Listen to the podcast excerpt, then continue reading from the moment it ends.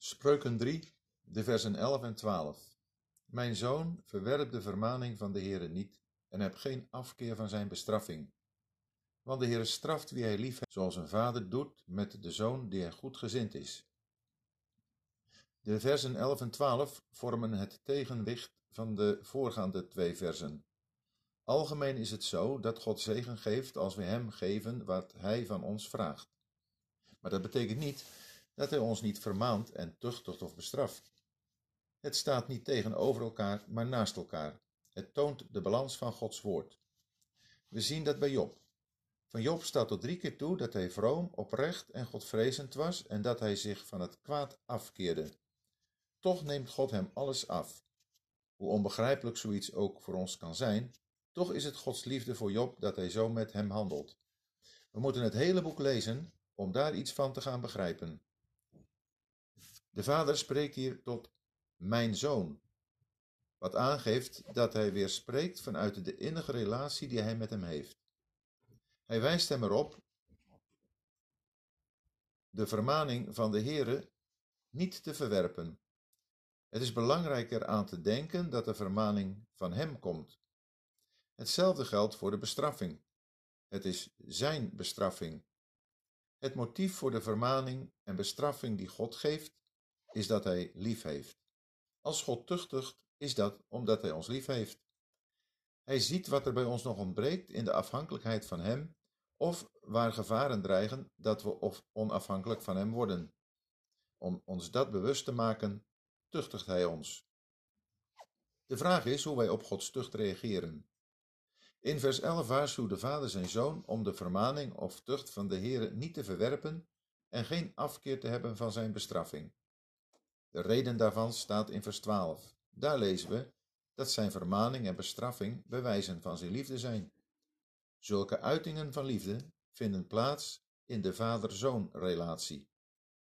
De vermaning verwerpen wil zeggen dat we die minachten, dat we doen alsof het niets voorstelt. Dan buigen we ons niet onder de tucht en mis die het bedoelde effect.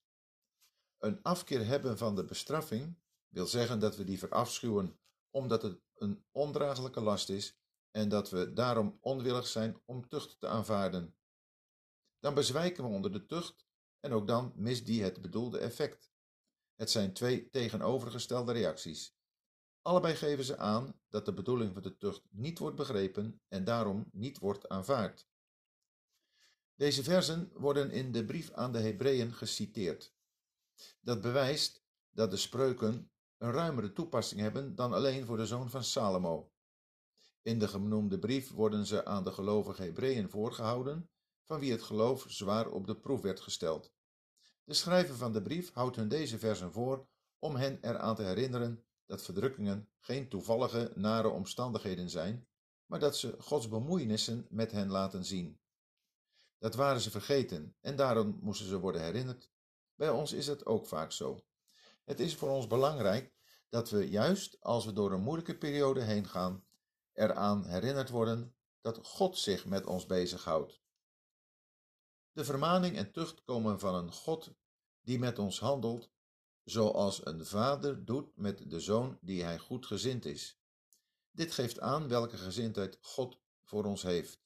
Hij is ons goed gezind. Hij heeft niets kwaads voor ons in de zin, maar alleen het goede. De Satan heeft alleen kwaad in de zin en zoekt ons verderf. Goddeloze personen haten ons en stoten ons uit.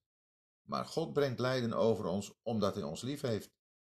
Omdat God in liefde tuchtigt, zal tucht of kastijding ons nooit beschadigen, hoewel de pijn wordt gevoeld. Tucht is het bewijs van zoonschap. Het doel van de tucht van God is dat wij aan zijn heiligheid deel zouden krijgen. Hebreeën 12, vers 10. Tucht gebeurt in liefde, door een vader die ons goed gezind is. In de zoon die hij goed gezind is, zien we bovenal de liefde van de vader voor zijn zoon. Er is wel een groot verschil tussen Christus als de zoon en ons als zonen. Wij hebben correctie nodig. Hij had die nooit nodig. Hij was altijd het welgevallen van de vader. Hij deed altijd wat hem wel behagelijk was. Daarom vond de vader zijn volle vreugde in het leven dat de zoon leefde. Het beantwoordde volmaakt aan zijn wil. Daarom was er bij de Heer Jezus niets te vermanen of te bestraffen.